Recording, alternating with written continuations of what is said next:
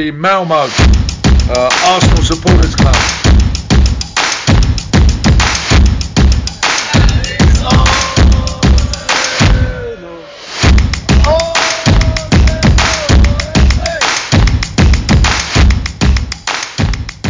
Arsenal Malmös podcast är tillbaka med mig Rickard Henriksson. Och idag den 19 maj och klockan är strax efter 22 och Arsenal har precis besegrat Crystal Palace med 3-1. Och med mig i dagens podd har jag nämligen Niklas Lindblad. Varmt välkommen! Tack så hemskt mycket! Känns jättekul att vara tillbaka i podden. Ja, vad härligt. Vi har saknat dig. Ja, ja, men det känns bra. Jag har saknat er också. Även om jag får ändå lyssna och redigera och lite sånt så är det ändå det är en viss känsla att uh, vara med. Ja, men precis. Uh, det är, det är bra, du har bra röst, så den saknar vi. Det är bra. Jag tror att jag, jag kan vara lite, lite tipsig idag. Jag har varit ute på en middag här med jobbet och uh, sen blev det ju en jag hann tillbaka kunna säga andra halvleken av dagens match och det blev ju glädjevrål med ett sent eh, avgörande här mot Crystal Palace. Så det var eh, riktigt kul. Så jag hoppas att rösten är kvar också och att den håller härligt. hela på framförallt. Du berättade ju här innan att du, dina hotellgrannar hade lite synpunkter på ditt glädjeyttrande. Ja, de var inte lika nöjda. Eh, men jag vet inte om de är liksom, inte har någon glädje här i Göteborg. Men de var inte lika lika nöjda när det hade skrikits på eh, rummet strax innan 10. Eh, Ganska högt vid 2-1 eh, målet. Så att, men ja, det, det, får de ta. Nu ska jag vara, ha en lite lugnare ton i podden så att de ja. kommer inte att bli störda mer. Det är bra. Jag förstår ditt glädjeyttrande för det var väldigt otippat. Man satt ju mest och var ska säga, ganska förbannad. Ja, andra halvlek är ju inte bra. Nu hann jag tyvärr inte se så mycket av första utan jag fick ju följa den liksom lite halvt om halvt. Uh, alltså så. Uh, men jag såg ju lite highlights och lite sånt också. De känns ju som att Crystal Palace borde vara, liksom spela med tio man kanske. Ganska... Ja, liksom, det kan man ju tycka. Uh, den situationen där med El Nenni. Och sen så tycker jag att ja, men de är jävligt, de gör en bra andra halvlek liksom Crystal Palace. Jag menar de kvitterar och de trycker på och vi känns inte riktigt där. Men sen har vi någon liten grej som gör att vi ändå liksom får ihop det på slutet till slut. Och sena mål är alltid sköna. Ja, verkligen. Och jag ska säga där också om du inte uppfattade riktigt första halvlek. Eh, vi gör en väldigt bra första halvlek. Det som räddar eh, att det bara står 1-0 är tack vare ett grymt försvarsspel av deras backlinje.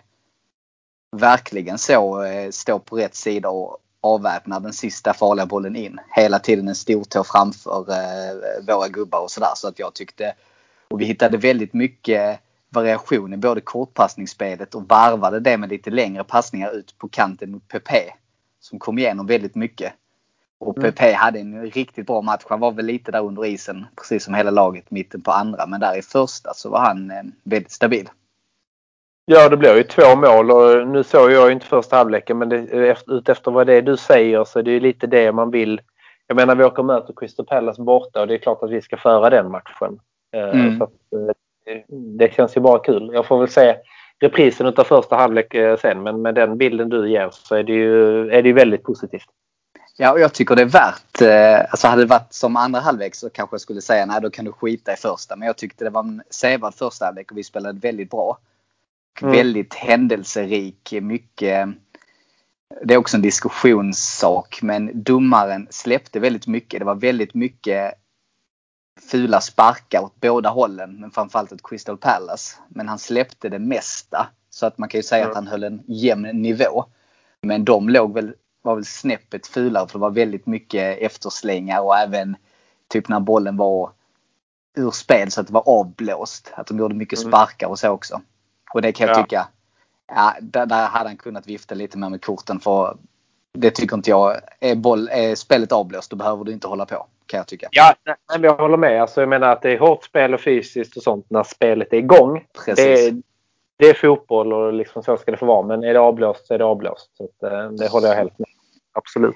Det var en situation på Tierney där i första han eh, bakom kortlinjen. Han blir nedsparkad. Och de VAR går in och tittar men de gör inget åt det. Och därför så buade ju publiken ut Tierney i hela första och delar av andra också. På grund av att de tyckte att han filmade då. Men jag menar, han blev ju nersparkad. Ja, nej det är helt sjukt. Jag har inte sett den uh, situationen alltså, så på någon highlight.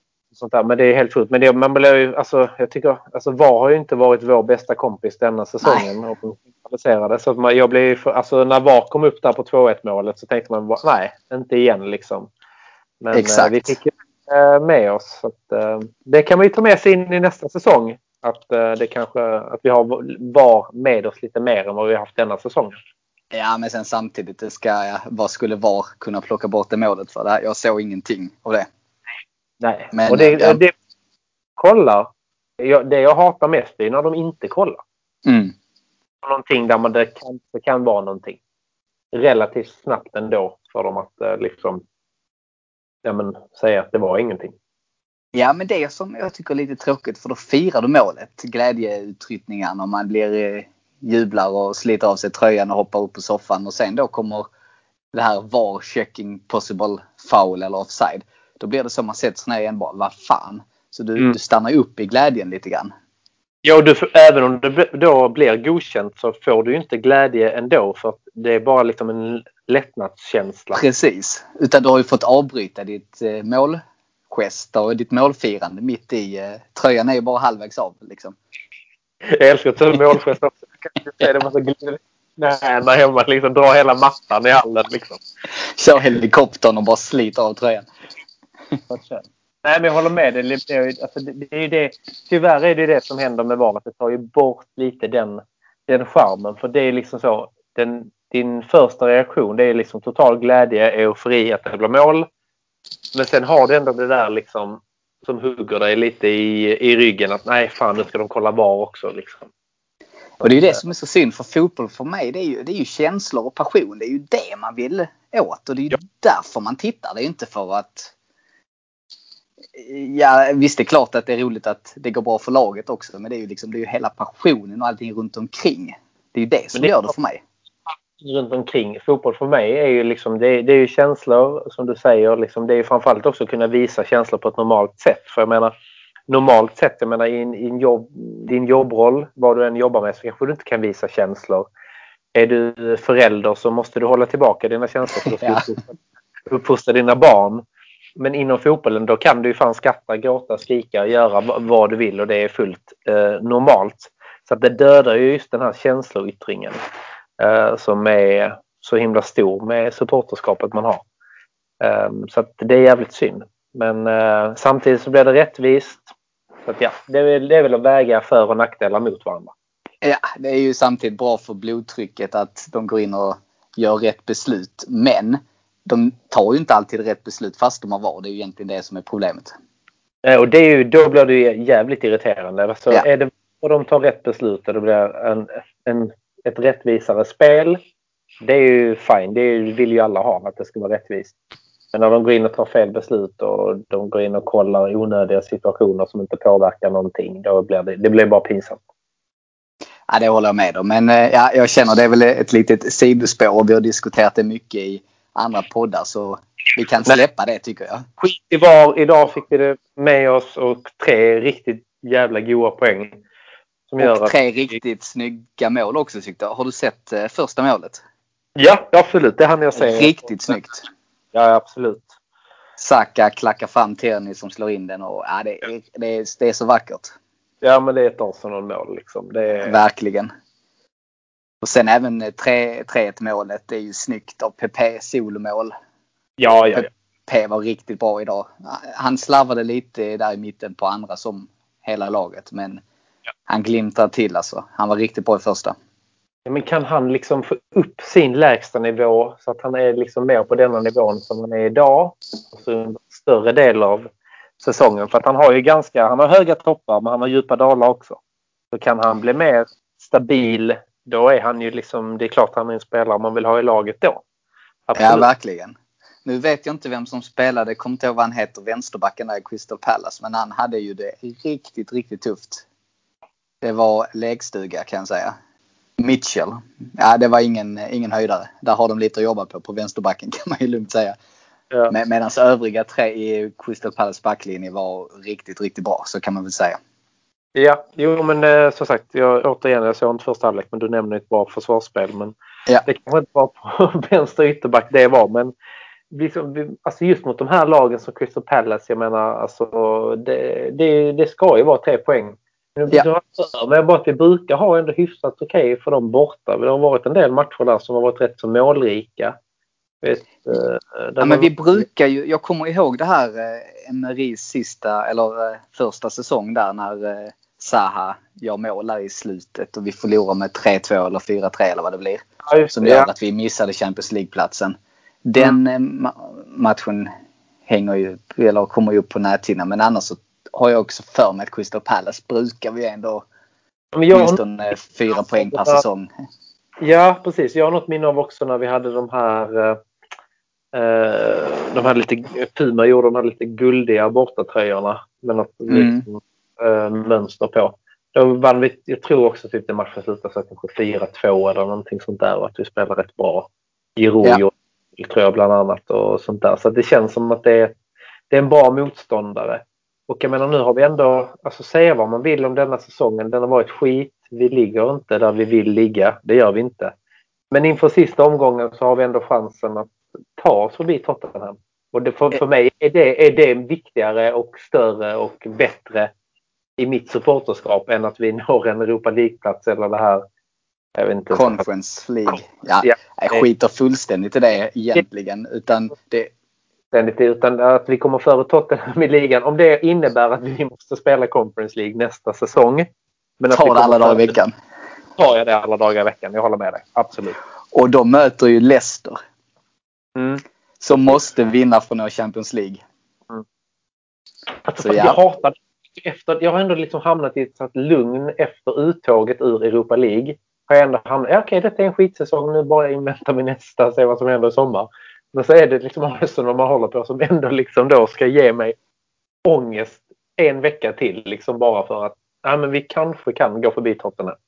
Ja, det är det som är så sjuka för nu har vi liksom tre raka segrar i ligan och så helt plötsligt så har vi chansen. Jag menar vi är Jaja. inte superlångt från Champions League egentligen.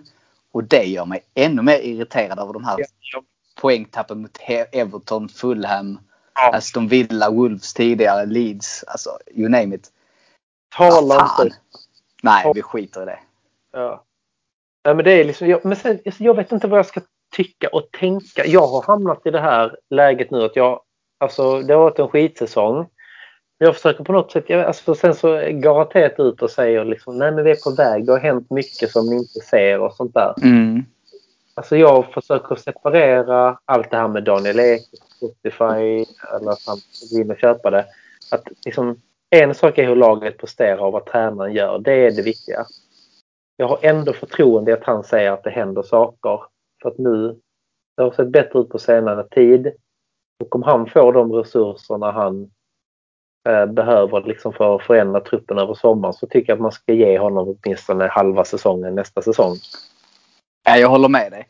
Men uh, sen uh, samtidigt, det som oroar mig, alltså visst det är en sak att vi saknar lite kvalitet på mittfältet bland annat och på vissa andra positioner. Men nu var det återigen när, vi, när de kvitterade, då är det ingen, ingen känsla, ingen vilja i laget. Det är liksom ingen ledare som tar tag i det. Det saknas någonting. Och sen om det är att man ska klandra Arteta, ja det ska man kanske göra till viss del. Men jag vill ju ha in... Jag skulle snarare säga att det kanske inte är kvaliteten på spelare som är det viktiga utan det är karaktären. Så det är rätt karaktär vi måste få in i sommar. Absolut, det är liksom som eh, många, alltså, alltså eh, vad ska man säga, vad fan är det man säger? Att ja, men vilja och inställning slår kvalitet ibland. Mm. Jag menar, backa, back, man tar ett... Men, ja, men Villarreal hade ju en större vilja eh, än oss att gå vidare i, i, i semifinal. Liksom. Det, ja men vi hade ju bättre kvalitet såklart. Ja vi hade en högre kvalitet i truppen och eh, liksom men där är ju någonting som felar i huvudet och inställningen och tro att vi mm. bara kan sätta in skorna här. Uh, Malmö FF åkte ur Svenska cupen för några år sedan mot Landskrona Boys som låg i division 1 samtidigt som de går ut och spelar i Europa League. Men i den matchen så var ett division 1-lag bättre än ett allsvenskt lag. Ska det hända? Nej, det gör det kanske inte nio gånger av tio. Men går man inte in och gör jobbet och har viljan så kommer du inte komma liksom tillräckligt eh, långt eh, fram. Och det, den saknar vi lite ibland och där är det helt rätt. Alltså, där är det ibland är karaktären viktigare hos spelarna än det stora fotbollskunnandet på något sätt. Så att har du rätt inställning så kan du liksom kan öka din kapacitet med 10% och i vissa matcher kanske det räcker då för att du ska vinna eller ta en poäng. Om du bara har rätt inställning. Ja men och det är lite det. Det är därför jag tänker så här när man ska kanske blicka lite mot Visst nu är det klart att köpa brittiskt är dyrt men kanske titta lite mot spelare i Brighton, Crystal Palace, Leeds, Aston Villa snarare än att hämta unga talanger från Frankrike. Jag vet inte. Eller kanske hitta guldkorn från Championship. För att det är inte så mycket kvaliteten kanske generellt. Utan det är just karaktärerna jag vill åt och ja, det är inte helt lätt att hitta dem. Jag tror att det är en, en kombination. Alltså, jag, alltså om man säger liksom att ha har du kvalitet på eh, tre positioner av fyra på mittfältet men du har en jävla grovjobbare som visar känslor och kan mm. liksom en ledargestalt och kan liksom sparka igång laget. Då är han lika mycket värd även om han kanske är lite sämre rent kvalitetsmässigt. Så ger han någonting annat. Jag menar det är ändå ett lagbygge, en lagsport vi håller på med. Alla möjliga roller och funktioner måste finnas eh, på plats. Jag menar du kan inte ha du kan inte ha 11 glaslirare som knappt vågar gå in i en närkamp. Det funkar ju inte heller. Sen att de är hur bra som helst på att dribbla och trixa och springa snabbt och göra bra frisparkar. Det hjälper Det gör ju inte att laget blir bra. Alla... Nej, men då vill jag tycka, på tal om det, så en spelare då som man kan lyfta som har spelat nu under alla de här tre matcherna i rad vi har vunnit så är det ju Mohammed säkerhetsbältet El Neni. Mm. Ja, Säg vad man vill om honom fotbollsmässigt och kvalitetsmässigt. Nej, han slår ju inga passningar framåt. Men han jävlar i det vad han jobbar och han slår ju inte bort en passning. Nej, han nej. spelar alltid säkert och, och han ja, ger han, ju allt. Han är ju en typisk eh, alltså, spelare utav den liksom. Han är inte världens bästa fotbollsspelare men han, han går fan in och kämpar varenda gång han sätter på sig Arsenal-tröjan och ger, ger allt utefter de, eh, liksom, vad ska man säga, de kvaliteter han har. De ger han liksom max utav på något sätt. Så att, eh, jag har full respekt för att Arteta tar ut honom för att uh, han vet vad han får. Han ja. vet vad han får av PP varje gång. Han vet vad han kan få, men han vet inte vad han får ut just idag när han går ut på plan. Han kan ha en dålig dag, hänga lite med huvudet. Men när El Neni sätts på planen, då vet Arteta precis vad han får. Ja. Tror i alla fall. Nej, men det ska han ha cred för, absolut. För det är lite samma med, som du nämnde, PP, men även Partey. Alltså det finns väldigt mycket kvalitet i dem. Men de, de, har, de saknar ju lite karaktär kan jag tycka. Ja, nej men de saknar liksom det där. Alltså, jag tror inte det handlar om klubbkänsla heller så mycket. Nej, för det, det, det finns inte idag på samma sätt. Idag, det, den finns inte där på det sättet som vi supportrar har eller som det har varit tidigare. Men liksom just den här jävla kvaliteten, eller inte kvaliteten, men bara den här attityden, karaktären och gå ut och visa. Här är jag, det är ingen som kommer sätta sig på mig idag utan att man kämpar och även liksom den här liksom attityden att även när du har en dålig dag så ja, men jag kommer fan göra mina löpningar och jag kommer göra, jag slår enkla passningar i, idag för att jag är inte riktigt i form kanske men jag, då gör jag en enkel passning istället för att slå bort den här svåra passningen. Och det hjälper också. Absolut. Alltså jag tyckte han gjorde en stabil insats idag, Elneny, men det är lite så, ja, när man jagar mål, ja, han slår inte de här avgörande och de här penetrerande passningarna och därför blev jag ju förvånad att han bytte ut Partey. Kanske, mm. men sen samtidigt Partey. Jag tyckte han var bra i första men han slog bort extremt mycket i andra så att jag, kan, jag förstår ändå att han bytte ut honom för att han var, han var inte på topp där. Han fick liksom inte, han hade inte flytet med sig. Nej, och där är också en fördel de här spelarna har då som inte är de här stora namnen som inte, som alla i Premier League vet ju att El Neni har inte samma kvalitet som Partey. Därför får Partey en annan upp, uppvaktning på planen mm. om man säger så. Och det gör ju att det blir kanske lite lättare då för uh, El Neni och lite svårare för uh, Partey. Och där är det ju bättre då kanske göra bytet på honom och behålla El Neni på plan. Ja, absolut, där är du inne på eh, någonting. Men jag tänkte att om vi skulle summera, det var ändå två saker som jag tog med mig från den här matchen. Eh, dels så var det att det var publik och sen Arsenals nya bortatröja. Så jag tänkte att höra vad tycker du om de två punkterna? Om vi börjar med publiken, vad säger du då? Ja, men det är ju alltså det är bara fantastiskt kul. Nu vet jag inte riktigt hur många Crystal Palace tog in. Men alltså det här... 6 000. Ja. Och vi, det ryktas om 10 000. Vi kan ta in det mot Brighton eh, på söndag när vi möter dem. Alltså det är det man har saknat. Så både du och jag och många som lyssnar vill ju... Det är fan det enda man vill är ju vara på liksom en, en arena just nu. Och liksom, Ja.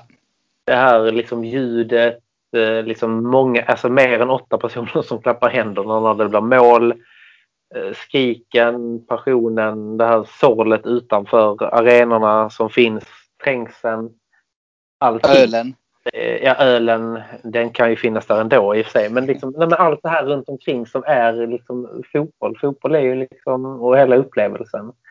Det är ju eh, liksom eh, fantastiskt. Jag fick känslan redan det var en fru som är helt galen i Eurovision och det var på i, i, igår kväll. Liksom bara det här bara det här sorlet utav mycket människor som också trängde igenom den eh, sändningen. Det har man ju saknat något otroligt mycket. Och, det, och att man kan se publiken även om man sitter på tv. Jag menar de har kört med så här publikljud och sånt på vissa sändningar. Det är inte samma sak för du ser ju fan att det ekar helt jävla tomt. Ja.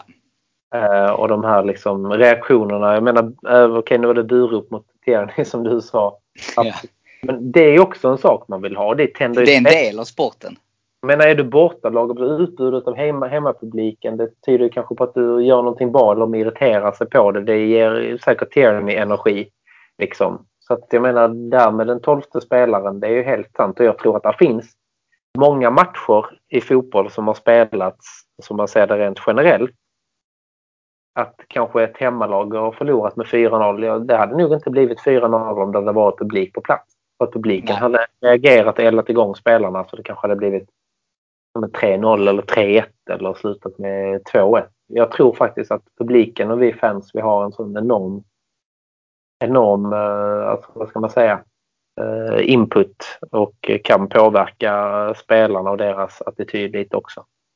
Nej men absolut och det är ju bevisat för att hemmafördelen har ju varit klart mindre denna säsongen.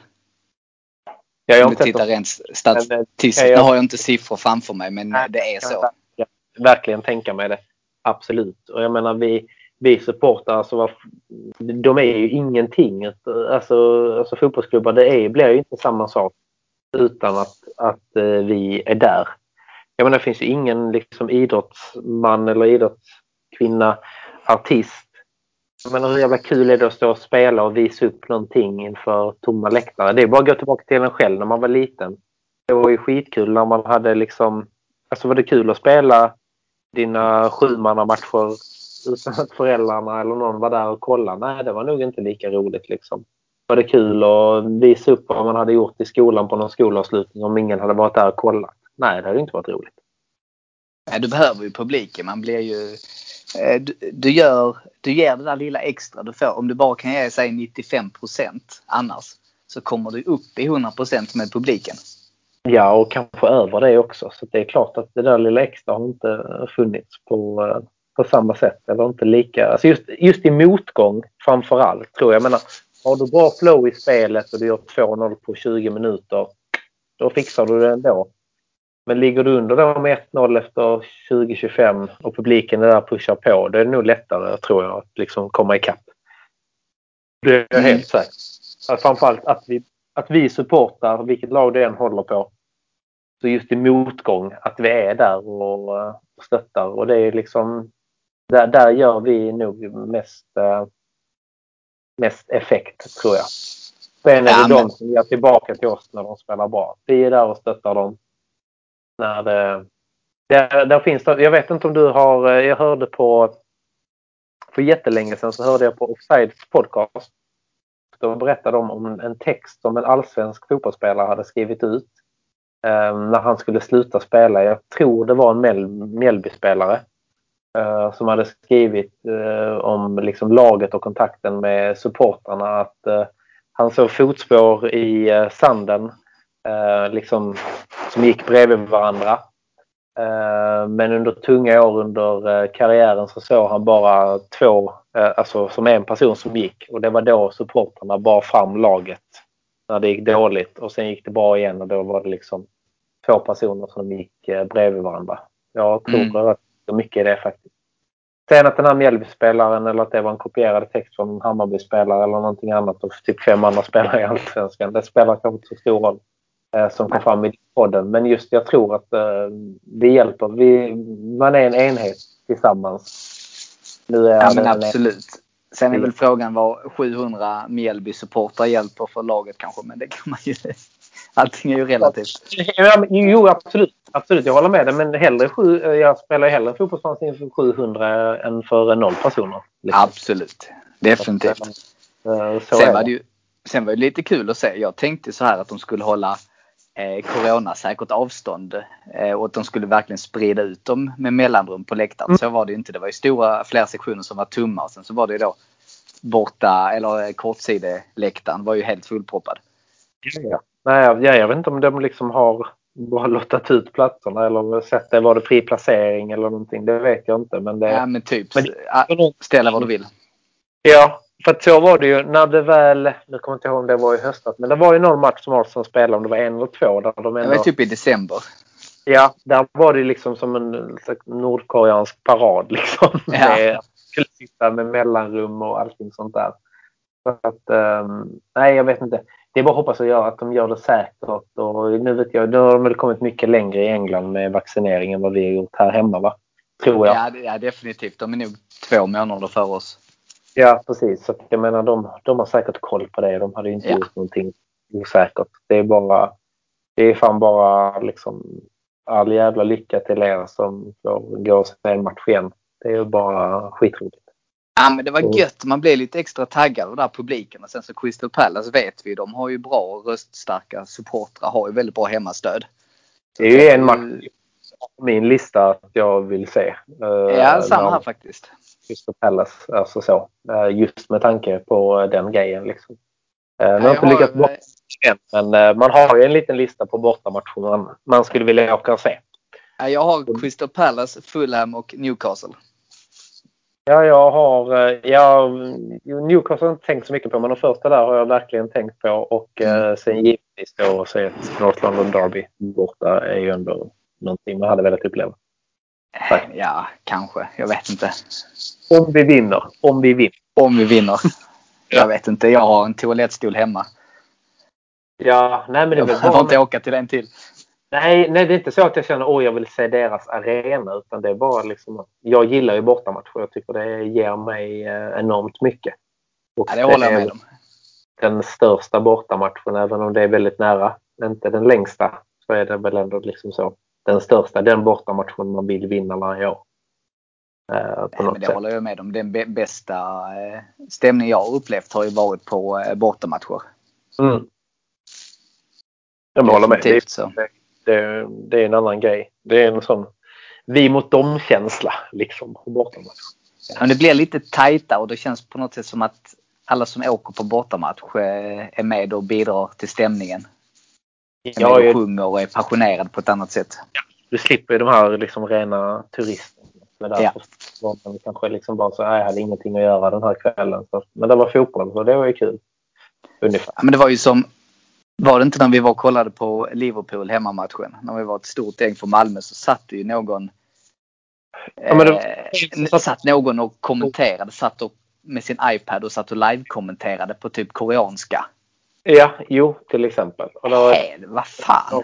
Och liksom så, läser en bok eller läser ett korsord liksom. Det är Men så kommer det vara för alla Londonklubbar. Jag menar London ja, är... Ja, visst. Och det är det är häftigt att uppleva och vara där. Men det är ju engångsbesökare. Det är inga... Hade det varit en lunchrestaurang så är det inga besökare som kommer dit liksom två, tre gånger i veckan.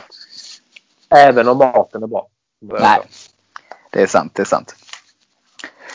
Ja, och nya bortastället. Vad, vad tycker du om det? Nej, men jag har... Eh, ett, det är gult och blått. Det är klockrent. Det, ja. det ska det vara. Eh, sen pratar ju vissa om att eh, nyansen av den gula är inte den rätta och bla bla bla. Men jag, nej men jag gillar den. Alltså faktiskt. Jag, alltså gult och blått det funkar alltid. Lite retrokänsla på, uh, på den här kanonen. Sen om vissa säger att den ska vara åt andra hållet. Mm. Gör som jag då, köper en retrotröja från 70-talet där den är. Ja. Faktiskt. Eh, men jag tycker att eh, den är jäkligt schysst. Eh, när vi pratar tröjan. Det jag inte gillar det är att de har gjort hela stället gult. Det blir... Yes. Eh, det, det stället, det shortsen skulle varit liksom i den här blåa färgen som är på ränderna och eh, kragen. Eh, så som tröja är den nice men som ställ, de där så nej, de får underbetyg utav mig. Ja, jag håller med och det är så synd för jag tycker också, ja det är klart jag hade velat önska att den var lite mindre blek, att den var lite mer gulare i nyansen. Men det kan jag köpa. Jag tycker den är schysst och jag gillar också att man går tillbaka lite mer till eh, retro eh, eh, badgen. Även om jag personligen vill ha tillbaka den vi hade i slutet på 90-talet. Ja, det är ju den jag växte upp med och det är den jag Ja. saknar. Jag, jag tycker den här nya inte är i närheten av lika snygg. Men det är ju det är ju som det är. Det är ju liksom inget, ingen konstigt. Men jag håller, Ett rykte, jag vet inte om det är sant, men det nya liksom klubbmärket som vi har nu. Jag har hört att det är rykte att en svensk designer har varit med och tagit fram det. Men jag vet inte om det är sant. Ja, där ser man. Ja. Det enda jag hörde var att man jag följer lite de här old school gooners på Twitter som skriver en del. Och de har ju, menar ju att det var, klubben hävdar att det var copyright-skäl som man var tvungen att byta. Men att det inte stämmer, det var bullshit. Utan det var bara, man hade kunnat behålla den som det var. Ja, det tror jag också. Herregud. Jag menar, fan, vem har använt den loggan och vadå copyright-skäl? Är det bara för att kanonen var pekad åt det hållet? Och det är ju någon som säger att den nya kanonen pekar mot framtiden. Ja, det kan jag väl köpa. Nej men det var att man inte kunde ha copyright. Alltså man kunde inte registrera det som varumärke. På den loggan? Ah, okej. Ja. Då Ja, det är jag med. Ja. ja, ja. Skitsamma. Vi har en kanon som är jävligt clean. Det gillar jag. Uh, alltså så. Ja, det bara är kanon. Det blir liksom jävligt cleant. Ja, jag håller med. Och om jag har förstått det rätt så är detta nästa säsongs bortatröja. Ja, men det är det. Det är det. De, eh, vad ska man säga, jag menar, den lanseras ju som The New Arsenal Away Kit och det, redan förra säsongen så började vi spela i den hemmatröjan som vi har haft hela denna säsongen kom ju ganska tidigt. Nu var det ju en annorlunda säsong förra säsongen. Eh, Ja, Sen är jag lite emot att man... Har du påbörjat det? Jag tror att vi lanserar de den nya hem, hemmatröjan nu på måndag så kommer vi att spela i den på söndag. Garanterat. Där är jag väl lite... Alltså det blir ju... Det är klart att det är pengar i detta också. Att man lanserar den så tid, tröjorna så tidigt som möjligt så att vi supportrar ska köpa dem. Ehm, det är ju så de här företagen tjänar sina pengar. Så Ja. Men varför jag håller med dig, kör en säsong en säsong. Det tycker jag också. Det blir eh, liksom lite, lite löjligt eh, tycker jag faktiskt. Jag menar alltså det liksom det, det kan ju säkert bidra till alltså, jag menar vi, vi som är lite vuxna eller så, men man tänker barn på skolgården där är det säkert lite status av den senaste och allting sånt där. Och jag menar har du en hel familj eller du har två barn att köpa till. Det är en jävla utgift också att köpa nya matchtröjor. För barnet är ett annat tryck och sådana här patches på armarna och allting. Så det är ju Ja, absolut. Sen kan man ju säga så här, det är ju inga kids idag som vill springa runt med Arsenal-tröjor på skolgården. Inte i Sverige tror jag, men i England och Sant. det, kommer de givetvis att, eh, att göra det. Det tror jag. Där är det ju en annan grej. Men, det, men tyvärr så är det ju tråkigt att, att vi, det är också en nivå på att vi har sjunkit lite som status i klubb. Jag menar det, det är ju klart att är du liksom åtta år så vill du hålla på ett lag som vinner. Liksom. Mm. Så att, den- jag tror att den titeln vi tog, alltså varenda titel man tar för att liksom få återväxt i supporterskapet är jätteviktig. Eh, Det gör att de här dumma föräldrarna som får sina barn eller som inte liksom engagerar sig i sina barn och tvingar dem att hålla på rätt lag. Eh, Om Arsenal börjar vinna så kommer vi vinna över de supportrarna också och få en återväxt. Ja, nej men absolut. Så är det. Eh, Och det har ju alltid att göra, det är ju revolution hos barn också. Det är alltid kul att göra någonting annorlunda mot vad sina föräldrar gör. Ja men så är det ju. Det finns ju, det har vi hört alla gäster vi haft i podden. Det finns ju det väldigt olika anledningar till att man hejar på Arsenal. Och så är det ju som Ja, ja. eh, svensk supporter. Att det finns ju inte, där är man ju inte invuxen i det på samma sätt som man är då om man är uppväxt i Islington. Utan då är det ju mer olika anledningar som gör att man har fastnat för laget. Men, och det är alltid spännande att höra, tycker jag. Absolut. Eh, det tycker, det tycker jag också. Det, finns, alltså det är liksom ibland är ju fotbollslag att välja det eller det blir liksom nästan som ett missbruk. Man kan trilla dit på jätteenkla enkla saker. liksom. Och sen är du körd. sen är du fast. Sen är du där liksom. Men det, det, är jätte, det finns jätte...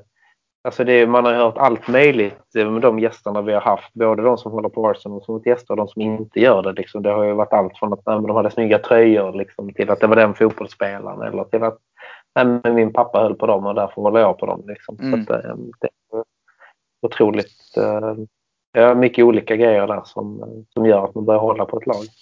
Men eh, att för att locka till sig nya supportrar så är det ju att vinna titlar som gäller. Så är det ju bara.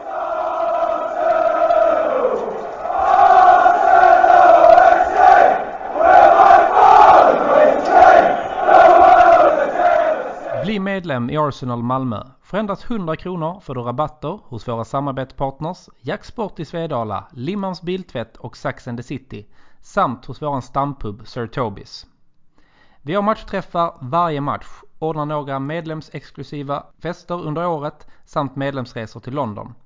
Så gå in på www.arsenalmalmo.se och läs mer om hur du gör för att bli medlem i Malmös enda aktiva Arsenalförening. Se också till att följa oss på Facebook där vi heter Arsenal Malmö, Instagram där vi heter arsenal.malmo och Twitter där vi heter Arsenal Malmö. Välkomna till Arsenal Malmö!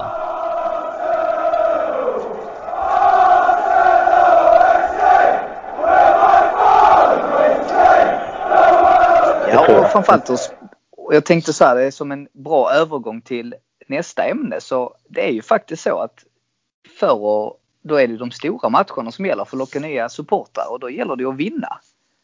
Och det Absolut. var ju precis det vi gjorde mot Chelsea. Ja, det är så jävla gött också. Alltså, det är så jävla skönt att gå på en sån långledighet. Jag tror ledigt den där jävla klämdagen och så vet ja, att man kan säga samma här. och så säga och vinna mot Chelsea. Det är så jävla skönt. Vi gör inte den bästa matchen men det Nej men vi vinner. Spelar ingen roll. Nej, det spelar ingen roll. Det är ett skitmål. Ja, absolut. Det är det. Men vi är liksom där uppe och pressar och hugger och då får man de där, liksom, vad ska man säga, ja, men lite gratismålen med sig. För att man är där och gör jobbet. Man gör den här löpningen och har lite karaktär. Då får man något gratismål med sig och det genererar dig tre poäng och vi gör en jättestabil insats. Eh, och vi var bra senast på Stamford Bridge också när vi yeah. spelade 2-2 med en gubbe mindre. Och får också ett gratismål där utav Martinelli lite kan man säga. Det snubblar. Men är man inte mm. där och stressar och kör på då får man inte de här liksom gratisgrejerna. Alltså det är inte bara, det är inte bara misstag utan det är faktiskt att man är där och trycker på. Och det är fan alltid lätt att slå Chelsea.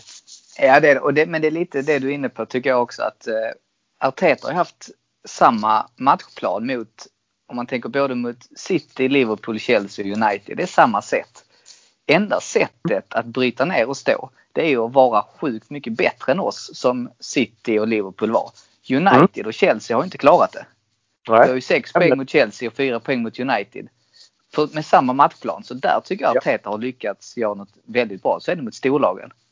Mm. Ja men absolut. Alltså det är, absolut. Jag menar, alltså vi, gör, vi kan inte begära att hålla nollan borta på Stamford Bridge och vinna med 1-0.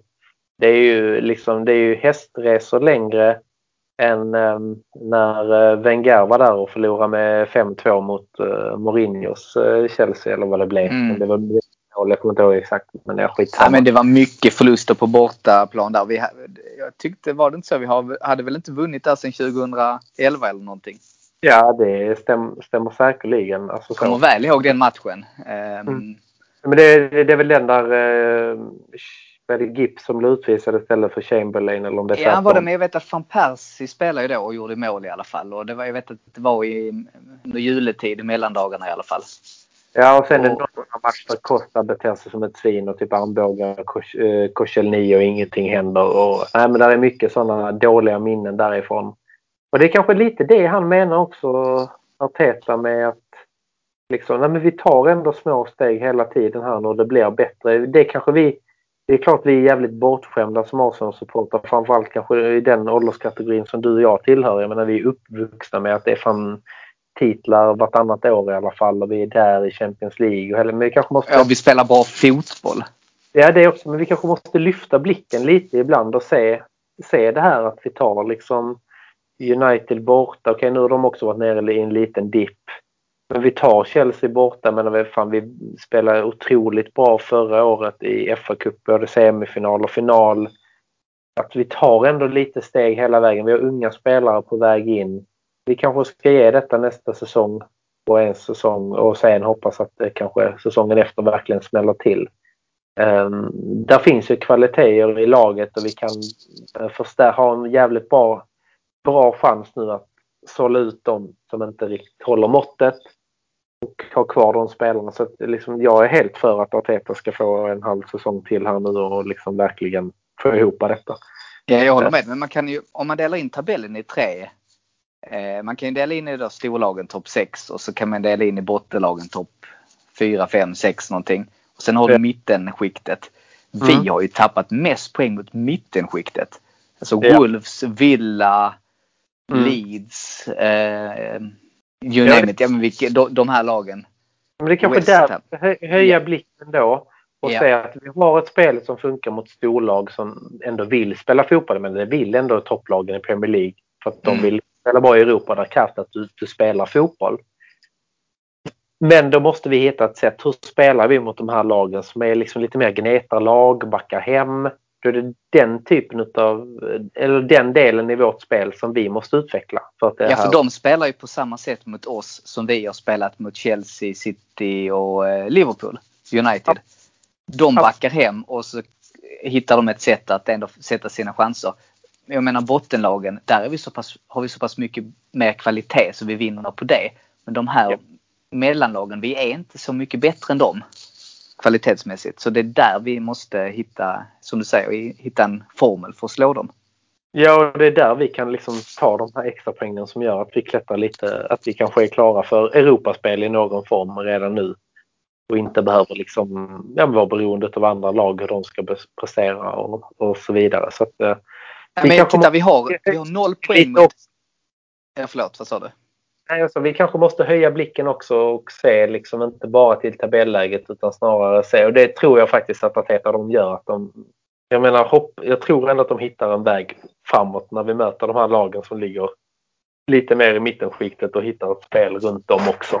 För att, ja. Eh, Ja, ja men absolut. Och, nej, men det jag skulle säga var vi har noll poäng mot Everton. Vi har noll poäng mot Aston Villa. Och vi har noll poäng mot Wolves tror jag, eller möjligtvis en poäng. Och vi har en poäng mot West Ham. Typ. Nej, där har vi tre poäng. Ja, men du, du ser, det är ju mot de här lagen som vi har tappat jättemycket. Vi har tre poäng mot Leeds också. Southampton har vi tappat poäng mot. Burnley har vi tappat poäng mot. Jag menar det, det är inte okej okay att tappa så mycket poäng mot dem. För de Nej, ligger ju runt oss i tabellen också. Jag menar Everton. Vi har tappat 6 poäng mot dem och nu är de en poäng före oss. Ja men där är säkert kanske säga att vi har tappat 16-18 poäng mot de lagen och tar vi 9 utav dem då är vi ganska klara för Europaspel just nu. Ja, då hade vi nog varit uppe på fjärdeplatsen för vi är bara ja. 9 poäng bakom Chelsea på tredje ja. plats tror jag. Mm. Ja men du ser, så det, ja. då är det där vi måste hitta nyckeln inför nästa säsong då. Att hur plockar vi liksom här plus man ska alltid utveckla det man är bra på, liksom, absolut. Det kan vi ta ett steg längre. Liksom. Men om vi höjer blicken, som jag tycker du har gjort nu i denna diskussionen. Mm. Det är de matcherna där, där, vi, där det har gått rent käpp åt helvete egentligen i många av dem. Och det är där vi kan plocka in poängen och det är det som gör att vi kanske då hamnar topp fyra nästa säsong istället för ja. att hamna på, ja, var vi nu hamnar denna säsongen, det vet vi inte än för nu är det ju helt plötsligt lite tajt igen. Ja, det är ju ett riktigt getingbo. Vad är det? Det Fan, det är inom fyra lag inom en poäng. Jag måste nästan ja. ta upp tabellen och titta. Jag kollade på det innan podden här men, det, men som sagt det är ju... Du ska säga, jag håller lite koll på West Ham. Ja, de, de spelar nu mot West Brom och det står 1-1 i 75 minuten. Okay, ja, de låg under när jag tittade innan. Så de ja, har väl, där har de kvitterat. lite förarsits där. Men sagt, jag skiter i Europa. Alltså Europaspel har jag redan gett upp. Eh, alltså redan för nästa säsong det handlar bara om en sak på söndag. Det är att, det är att käka lasagne. Ja, men alltså det är ju så här om detta står sig nu att West Ham eh, kryssar där. Då står de på 60 poäng. Tottenham 59, Everton 59, Arsenal 58. Och Tottenham möter Leicester. Och Tottenham möter Leicester. Everton möter City. Ja. Alltså, Alltså du ser, vi har, det är helt sjukt, men vi har möjligheter. Så vi har till och med möjlighet att komma topp 6. ja, ja, det är ju fan sjukt med tanke på den säsongen. Och spola tillbaka bandet liksom bara någon vecka så trodde man inte att det var möjligt. Så att, eh, nej, men eh, och det är det som också är skönt. Det ska man fan också ge laget och Arteta. Det att de, har fan, de hade kunnat bara efter Villarreal och uttåget där, de hade fan bara kunnat ge upp den där jävla säsongen. Bara, nej, fuck, det blev inte bättre. Men de har fan ändå malt på. Det ska de Ja. faktiskt ha, ha cred för. Det ska de Ja men verkligen. Så att ja, det är sjukt jämnt. Mm. Men jag tänkte på det, kommer du ihåg för en av mina första poddar som programledare så tog jag ju upp ett eh, sån här, en simulering på resten av säsongen när vi hade 13 Mm. matcher kvar. Ja, jag kommer ihåg. Då sa jag ju så här, vi behöver 26 poäng på 13 matcher för topp 6. Mm. Och då behövde vi, vet du hur vi ligger till nu? Nej, jag har inte. Jag kommer mycket ihåg, eh, väl ihåg eh, diskussionen. Men jag kommer, jag vet, jag, nej jag har inte, jag har inte ett resultat. Jag Nej, inte. jag kan säga så här, vinner vi på, vinner vi på söndag så är vi en poäng bättre än min eh, simulering. Det är så. Ja, men det är fan grymt i så fall. Det är nästan så jag vill applådera mig själv faktiskt. Ja, ja absolut. Ja, men jag, jag ger dig inte den än utan du ska ju söndagen till. För just Ja, nu ligger jag absolut. bakom då. Men absolut, det är, är en väldigt bra eh, matematisk eh, uträkning och det är väl det Arteta pratar om också inför de här matcherna har gjort. Det är ju en matematisk chans. Och det är det ju. Det är helt rätt. Eh, så att, nej det är ju grymt i så fall. Alltså, Ja men det kändes så osannolikt. Efter Så- Fulham och Everton så trodde jag ju nu är det kört. Det är bara att lägga ner säsongen. Ja, ja absolut. Nej, men jag kan ändå köpa att, att jag har försökt höja blicken lite. Se det kan bli. Och då, jag kommer inte vara nöjd med en sjätteplats. Men jag kan finna en viss satisfaction om det blir en sjätteplats. Vi kommer före Tottenham. Och att vi tycker ändå att vi är någon bit på vägen och vi kan ge Arteta ett transferfönster till och en halv säsong och hoppas liksom att han tar de här, eller inte bara han, det är ju spelarna och laget också som måste bli jämnare. Men börjar ta de här poängen mot Everton, Wolves, Villa som vi varit inne, West Ham. Och klättra lite. Då är vi ändå, då är vi ändå på väg mot någonting. Ja men absolut och jag tycker ju man kan ändå se glimtar men det är, det är som du säger, det, det finns bitar att jobba på. Men jag, jag håller med dig. Jag tycker att Arteta ska få en chans till. Däremot, jag är nog inte, vill nog inte ge honom lika mycket som en halv säsong utan jag vill vara ganska, jag skulle säga en fjärdedels säsong. Tio Ja, det beror på, det beror på Ja. hur det ser ut. Men han inleder han med fem raka förluster och, liksom, och det ser rent åt helvete ut, absolut. Men att han ska få lite tid, eh, lite tid till. Vi är inte klara med honom än. Alltså så. Eh, det är vi inte. Och sen också låta få han lite mer tid med publik på arenorna och allt det. Och vi får tillbaka, för det ger också en, en extra injektion Ja. i hur vi kommer att spela. Och det har han inte fått uppleva mer än i tre, fyra månader under sin Precis. träning. Och sen skulle det kunna bli så här, säg att vi släpper honom och han går till ett annat lag och han utvecklas till en världsklasstränare. Den ångerheten, det den är ju inte att leka med i så fall. Nej, också liksom och hit och dit. Och vi har varit nära att signa honom eller vi har släppt någon till Bayern München och det har gått jättebra för honom. Eh, Man, man börjar bli lite trött på det. Vi måste nog bli lite bättre på att ge spelare chansen. eh, Spelare och tränare chansen också. Eh, Ja, Jag menar alltså hellre alla, alla dagar i veckan att vi har en, en tränare som vill någonting. En ägare som vi just nu vet skiter i allting, absolut. Men involvera dig inte, pumpa bara in pengar i så fall då och gör ett bra jävla bokslut och tjäna dina pengar. Så länge liksom vi har framgångsrikt lag. På ett sätt är det tyvärr så jag, jag känner just nu. Sen hade det varit jättekul att ha en ägare som bryr sig om klubben, absolut. Men eh, ge oss ekonomiska medel och gör att tränarna får rätt förutsättningar. Så eh, skiter jag egentligen om du bryr dig om klubben eller inte. Faktiskt. Jag håller med dig. Men sen så samtidigt, nu ser man ju fram emot sommarens transferfönster. Man ser ju fram emot nästa säsong med publik. Få tillbaka den här, eller få tillbaka den här delen som har saknats i mitt liv. Fotbollen. få tillbaka den gamla fotbollen. Det är ju det man längtar efter så mycket just nu. Se fram emot en Londonresa.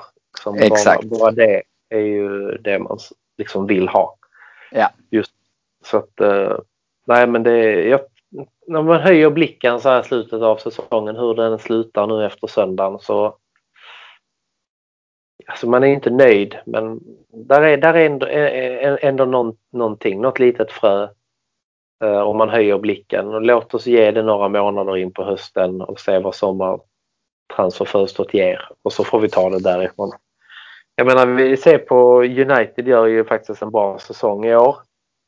Och de har haft några år nu som varit jävligt tunga och det kommer alla lag ha förr eller senare.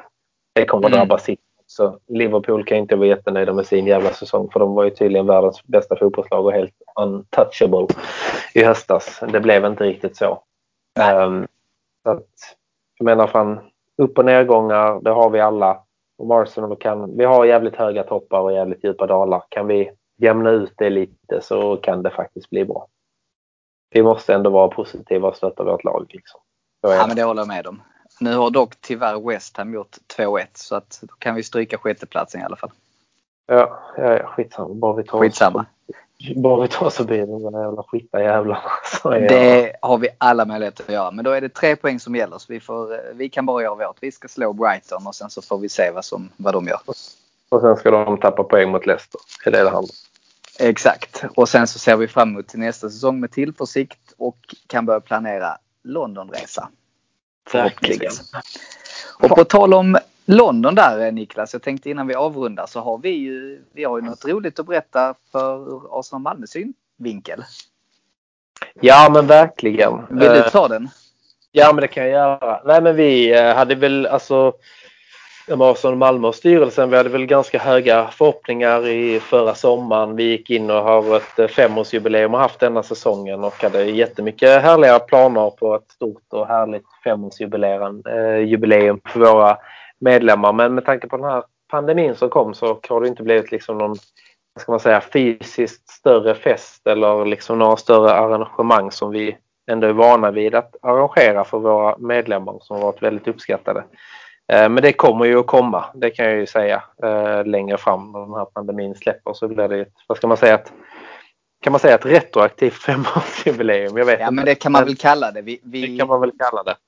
det är ju bara, det är ju inte inställt utan det är bara uppskjutet. Så kan man väl säga. Ja, men så kan man väl säga. Lite så. Eh, så att det kommer ju komma. Men det vi, vad ska man säga, det vi har kunnat göra har vi ändå gjort. Och eh, en grej i det var ju att vi tog ett beslut ganska tidigt i början av denna säsongen att eh, investera i en sån här eh, plakett kring, kring, kring, eller svenska direkt. kring. Eh, men kring eh, Celebration eh, Corner utanför Emirates som är vid eh, eh, Henri-statyn. Eh, och där fick ju medlemmarna vara med och rösta vad som skulle stå på den och det blev ju eh, Arsenal Malmö, Proud Gooners och sen Established eh, 2015. Och den eh, fick vi besked om nu i veckan att den är ju installerad faktiskt och den är på plats. Och vi hade även en medlem som jag tror bor eller pluggar i London som var där och tog en, eh, en bild av den också i, eh, i början på veckan. Här. Ja, så det kom ju upp en bild på forumet så det tackar vi för. Ja, verkligen, verkligen. Jag tackar lite extra också för att jag köpte en till mig själv och den var det med en liten del av också på den bilden så att jag fick se den också. Men eh, det är framförallt jävligt kul att nu är vi fan på plats alltid liksom. Åtminstone med den eh, plaketten där. Så Ja, det är eh, härligt. Det är kul. Vårt sätt att visa att vi finns. Absolut, absolut. Eh, och eh, det kommer väl ha som någon Malmö som förening gör alltid att hävda vår existens. Eller vad man ska säga. Det är ju vår ambition i alla fall. Absolut. Vi är ju vi är ändå representerade på rätt mycket matcher normalt. Och, ja, men vi har en, en bra förening och gå med stora möjligheter att följa Arsenal vitt och brett. Så att, eh, nej, men det är bara, jag tycker bara det är skitkul att vi fick ihop det och att den finns där. Verkligen. Och det ska vi säga också. Nu hoppas vi på att till nästa säsong, till hösten, att regeringen släpper lite på restriktionerna så att vi kan återuppta våra matchträffar som vi annars har till varje match. Ja, skojar du? Och förhoppningsvis så kommer ju liksom en, en slags början till detta nu i juni med att framförallt att pubbarna också får öppet lite längre. Det är ju en fördel. Uh, och det, det, är det är en fördel att de har öppet så de kan visa matcherna. Uh, det hoppas jag också att alla pubbar som har haft det tufft liksom nu inför EM att de kan öppna upp och visa lite fler matcher. Det är viktigt. Jag tycker jag är en stor eloge till Allsvenskan för jag tror det ligger en tanke bakom att deras matcher börjar 18.30 istället för 19 som de brukar göra på veckodagar. Ja, precis, så att man ska kunna hinna eller stötta krogbranschen och det är viktigt i de här tiderna. Absolut, till skillnad från hockeyn då som satte starttid 20.00. Ja, precis. Uh, liksom. Så att, uh, nej men uh, det hoppas man ju att det kommer igång. Men det blir ju vaccinering. Jag vet inte hur det är med dig men jag märker ju medarbetare på jobbet som är liksom är i ålder nu mellan 50 och 60 liksom börjar ju vaccinera sig nu så att det går åt, åt rätt håll. Allting. Ja verkligen. Mina föräldrar i 60-årsåldern har eh, kunnat boka nu i alla fall. Ja, jag, så jag hoppas att det kommer neråt. Inom vården så fick jag det lite tidigare än alla ja. andra. Givetvis. Men, eh, nej, men det, det börjar eh, ticka neråt nu så att uh, fan gå och vaccinera så vi kan träffas och kolla fotboll och dricka lite bärs till uh, premiären i augusti. Det hade varit guld. Ja, verkligen. Det, det hoppas vi på. Så jag tänkte, det var väl det vi hade Niklas. Jag tänker vi ska runda av. Det gör vi, tycker jag. Så jag säger tack så mycket för denna veckan. Och jag vill återigen passa på att slå ett slag för våra vänner i Arsenal Göteborg som också har en podcast. Så vill ni höra mer gött Arsenal-snack så in och lyssna och sök på Arsenal Göteborg podcast. Och så tackar jag för denna veckan och tackar dig så mycket Niklas för att du tog dig tid så här under arbetstid. arbetstid. Jag sitter på ett ja. hotellrum och har tömt två öl och snackat Arsenal. Så att, eh, jag är mer än glad att jag fick vara med. Tack så mycket. Fantastiskt. Tack så mycket. Och tack för att ni har lyssnat. Och så är vi tillbaka igen nästa vecka och då har vi förhoppningsvis tre nya goa poäng att snacka om. Ha det gott!